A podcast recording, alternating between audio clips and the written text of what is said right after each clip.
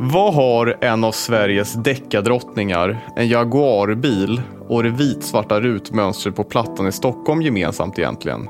Jo, de står alla i centrum i några av de mest intressanta avgörandena inom det materialrättsliga området under 2023. Och det är detta som dagens poddavsnitt ska handla om.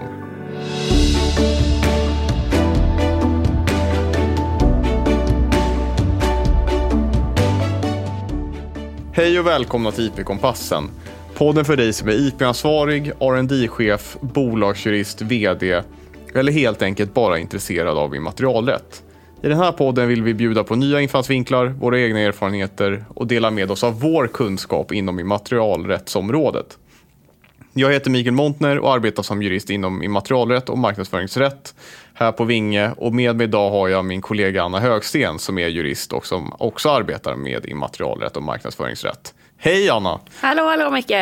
Ännu ett år har gått och det kommer en massa nya intressanta avgöranden inom immaterialrättsområdet. Och vi har ju såklart tänkt med i svängarna Jajamän. och tänkt att det kan vara både kul och lärorikt att lyfta några intressanta avgöranden från året som gått. Ja men precis. Och eh, det finns ju så många fler mål än vad vi eh, hinner igenom under ett avsnitt. Men eh, vi har plockat ut några avgöranden som eh, vi tror att ni som lyssnar på podden kan tycka är extra intressanta. Och som vi helt enkelt ska diskutera idag. Och i slutet så tar vi också något kort kort om lite andra intressanta saker från året som också kan vara bra att ha koll på. Men eh, vi börjar med en dom från Patent och marknadsöverdomstolen, eller PMÖD som vi säger, på, på temat upphovsrätt. Och Micke, du kan väl eh, berätta om målet? Ja, men absolut. Men du Anna, jag måste bara först få fråga dig, har du läst några av Marie Ljungstedts böcker? Det är ju klassiska deckare som passar så riktigt bra i hängmattan en varm sommardag. Ja, eh, jag har ju inte gjort det, men eh, kanske något att ge sig, ge sig in på till våren nu. Ja, men det tycker jag, för att det här målet handlar nämligen just om Marie Ljungstedt och den bokserien kallad Gran Canaria och särskilt den andra boken i serien Det förlovade landet. Mm.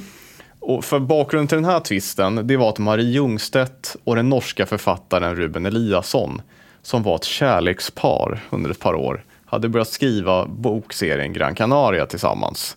Och författarna hade också genom sina egna bolag ingått ett förlagsavtal med Bonnier för de två första böckerna i Gran Canaria-serien.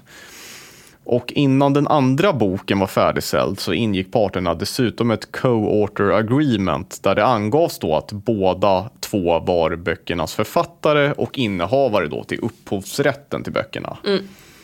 Men kärleken och medförfattarskapet kraschade mellan Marie Ljungstedt och Ruben Eliasson. Du låter själv som en författare där, riktigt dramatiskt. Ja, men lite får man bygga upp det. Eh, och en tid därefter så ingick man därför ett tilläggsavtal till det här co-author agreement.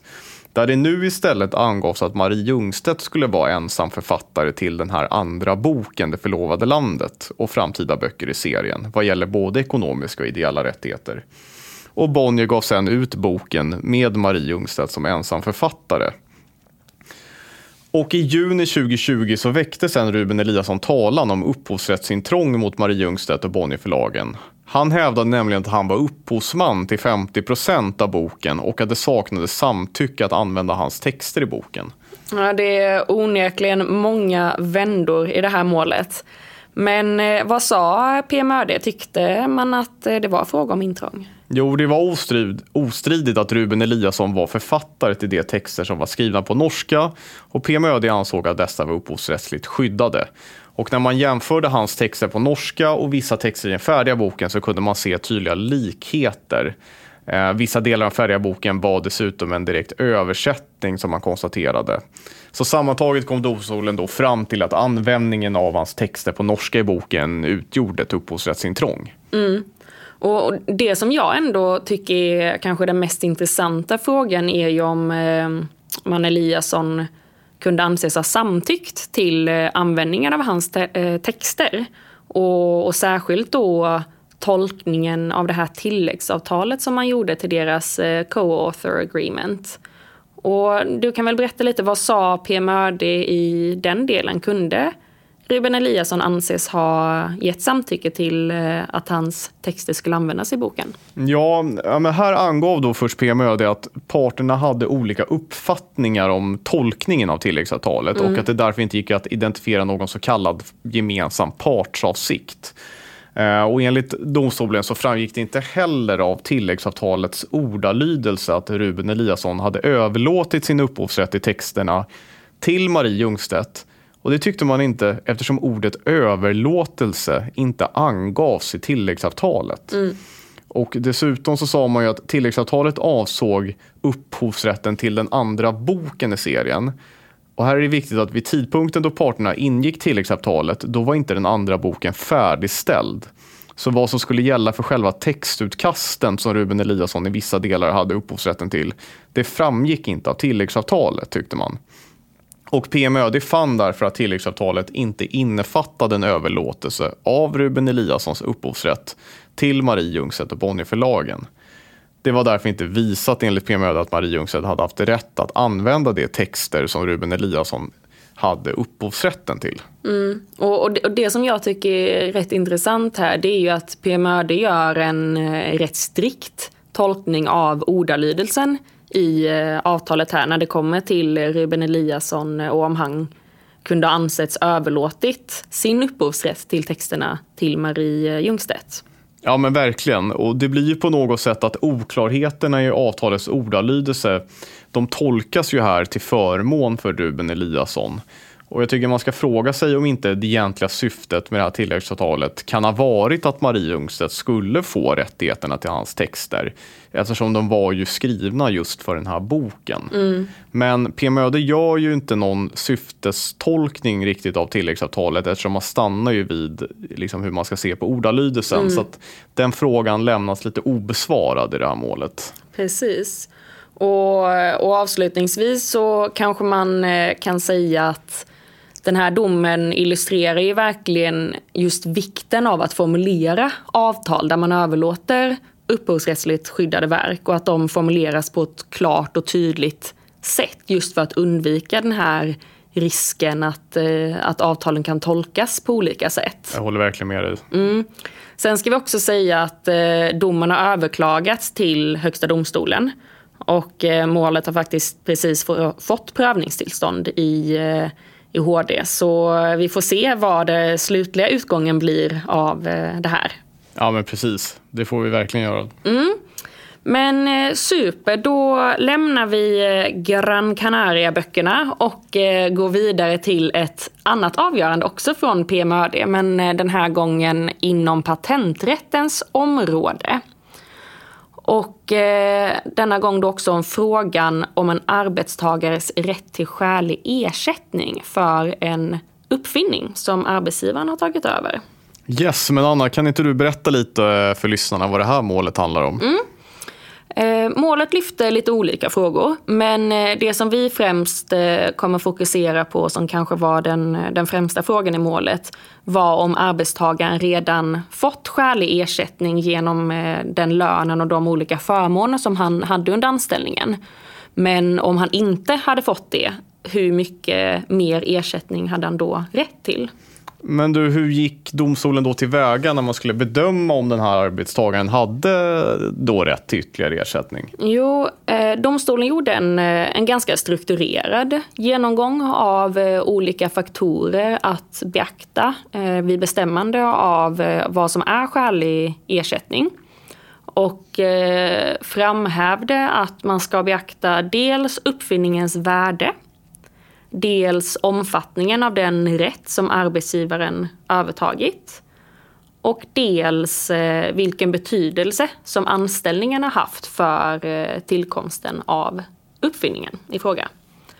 Och eh, när det gäller uppfinningens värde så utgår man från vad arbetsgivaren hade varit villig att betala för uppfinningen om man hade köpt det från någon helt annan, liksom fristående uppfinnare. Då bedömer man värdet dels utifrån ett kommersiellt perspektiv och dels utifrån ett tekniskt perspektiv. Yes, och sen var det ju så att domstolen bedömde att uppfinningen utifrån eh, ett tekniskt perspektiv hade ett ganska lågt värde. Men däremot när det gällde det kommersiella perspektivet, då såg ju domstolen ett samband med produktens omsättning. Bland annat då eh, att arbetsgivaren hade kunnat framhålla uppfinningen i marknadsföringen av produkten. Precis, så det kommersiella, utifrån det kommersiella perspektivet så ansåg man då helt enkelt att eh, uppfinningen, ja men att det fanns ett värde där. Och nästa steg som domstolen gick in på det var anställningens betydelse för eh, tillkomsten av uppfinningen. Och eh, domstolen eh, tittar då på vilken typ av anställning som arbetstagaren haft, hans eh, arbetsuppgifter och om arbetstagaren haft tillgång till arbetsgivarens resurser. Sen lyfte även domstolen andra faktorer som kan vara intressanta att beakta. Och då till exempel arbetstagarens erfarenheter om arbetsgivarens produkter generellt och om eh, anställningen gjort att arbetstagaren kände till problemen som den här själva uppfinningen avsåg att lösa. I just det här målet så var arbetstagaren anställd som eh, regional marknadschef men hade tidigare arbetat med mjukvaruutveckling.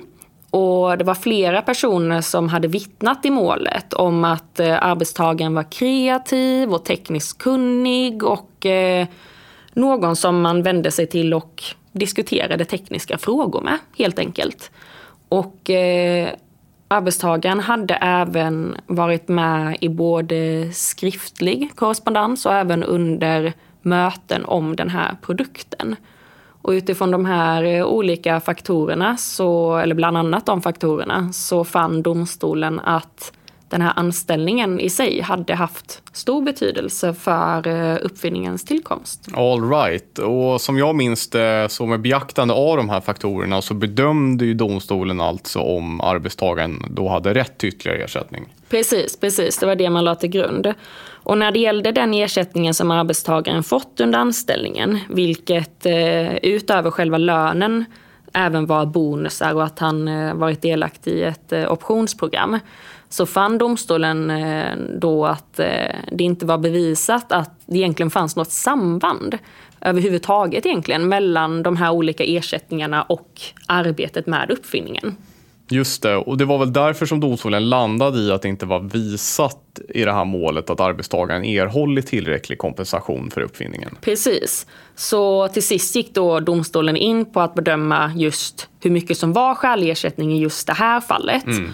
Och då beaktar domstolen de här olika faktorerna som vi nu precis gått igenom. Men eh, konstaterar även att eftersom anställningen hade haft en stor betydelse för uppfinningens tillkomst så fanns det anledning att göra ett ganska stort avdrag på grund av det. Och eh, vid en samlad bedömning så fann PMÖD att arbetstagaren hade rätt till skälig eh, ersättning uppgående till ett engångsbelopp om eh, cirka 4,4 miljoner.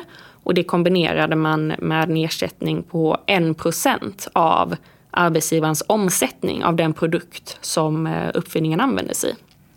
Ja, domen tycker jag visar ju framförallt vilka faktorer här som domstolen tar hänsyn till när det bedömer vad som är skälig ersättning och hur mycket pengar som en arbetstagare har rätt till för uppfinningar som arbetsgivaren har tagit över. Mm. Och man kan ju också bara nämna att det är ju ändå ett stort belopp man, får här och Absolut. Eh, att man får en procent av arbetsgivarens omsättning. Det kan bli mycket pengar om den här eh, uppfinningen blir kommersiellt gångbar. Absolut, kan röra sig mycket. Yes, men vi tänkte att vi också ska köra en snabbrunda med lite annat nämnvärt från det gångna året. Jajamän. Något annat intressant från året eh, inom eh, tema marknadsföring är en eh, granskning från Konsumentverket som kommit fram till att sju av tio e-handelsföretag bryter mot den svenska lagstiftningen om prisinformation och prisjämförelser. Och eh, några av de vanligaste bristerna är eh, dels att företagen endast anger ett nedsatt pris men inte skriver något om vad varans lägsta pris varit under de senaste 30 dagarna. Och dels att eh, prissänkningen jämförs gentemot, gentemot ett högre pris än eh, varans tidigare lägsta pris och att det då ger en eh, missvisande bild av prissänkningen. Och sen visar även eh, granskningen eh, att många företags prismarknadsföring är vilseledande då eh, kampanjer pågår under rätt långa perioder. Ja, alltså det gäller ju verkligen att vara noggrann här hur man marknadsför prissättningar. Mm. Och där kan vi bara lyfta fram att vi har ju också ett poddavsnitt på just det här temat.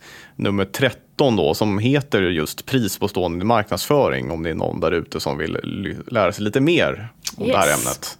Eller så kan man ju kontakta oss, så hjälper ja, vi till. Precis, precis. Men du Anna, jag måste också bara få fråga dig här innan vi slutar. Gillar du snabba bilar? Ja, men eh, det är väl alltid kul med lite fart och spänning och så. Ja, kul. Jo, men för jag tänkte att vi också ska bara nämna något om det så kallade Jaguar-målet som kom förra året. Ehm, det handlade ju nämligen om ett par som under cirka nio års tid hade tillverkat och slutligen färdigställt en replika av en Jaguar C-Type-bil. Ehm, de här, det här paret och bolaget Jaguar hade också haft vissa kontakter då paret hade en idé om att tillverka fler replikor och var därför i kontakt med Jaguar. Parterna träffades också för att diskutera det hela, men det blev inget samarbete.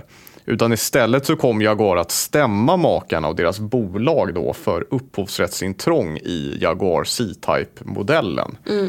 Och här konstaterade domstolen att den här Jaguar C-Type var upphovsrättsligt skyddad och eh, man sa då bland annat att Jaguar C-Type fick anses ha ett unikt ansikte. Mm. Men det som i det här målet blev den avgörande frågan, det var om makarna kunde anses ha framställt ett exemplar endast för privat bruk. För det är nämligen tillåtet enligt upphovsrättslagen. Och enligt domstolen så visade utredningen här att makarna hade upphört med planerna på just en mer omfattande tillverkning av den här bilmodellen och istället bara färdigställt ett exemplar för privat bruk. Efter då att man hade fått ett varningsbrev från Jaguar Precis, och eh. tidigare hade egentligen den här omfattande tillverkningen då kanske varit för kommersiellt bruk också. Ja men precis, men inte efter då den här tidpunkten när de fick det här varningsbrevet Nej. när Jaguar påtalade intrång. Um, och PMÖD ansåg då att makarnas agerande här var tillåtet enligt det här undantaget då i upphovsrättslagen och att man därför inte hade gjort något intrång i Jaguars rätt till Jaguar C-Type. Eh, och det kan nämnas att det här målet infattar en rad olika intressanta upphovsrättsliga frågor, men tyvärr hinner vi inte gå in på alla dessa i den här podden. Nej, precis. Det är mycket som eh, vi gärna hade tagit upp och diskuterat från eh, 2023. Många intressanta avgöranden. Verkligen. Men eh, detta var allt som vi hinner idag. Så ja, det här var allt för IP-kompassen och eh, vi är tillbaka om några veckor igen och hoppas att vi hörs då. Så tack för att ni lyssnade. Ha det bra där ute.